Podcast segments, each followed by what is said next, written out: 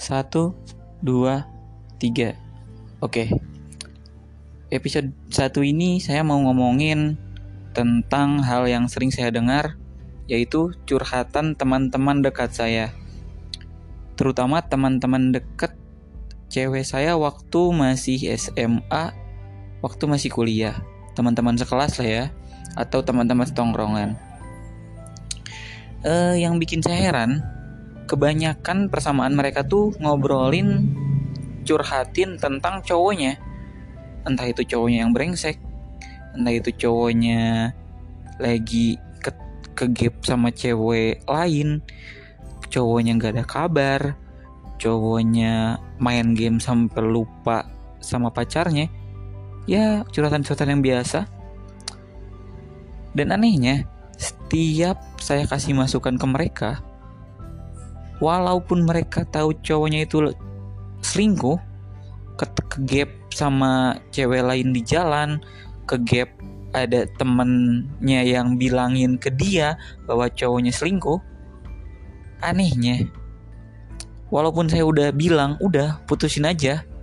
Udah ngapain cowok kayak gitu harus dipertahanin?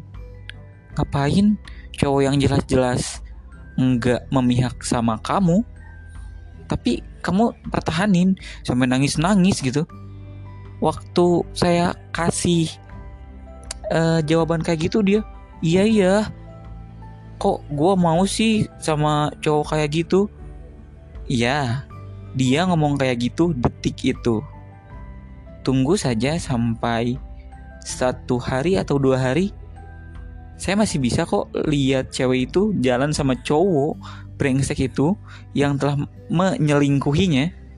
Dan ketika saya uh, tanya pada cewek itu loh kok kamu jalan sama cowok yang kemarin yang katanya kamu selingkuh?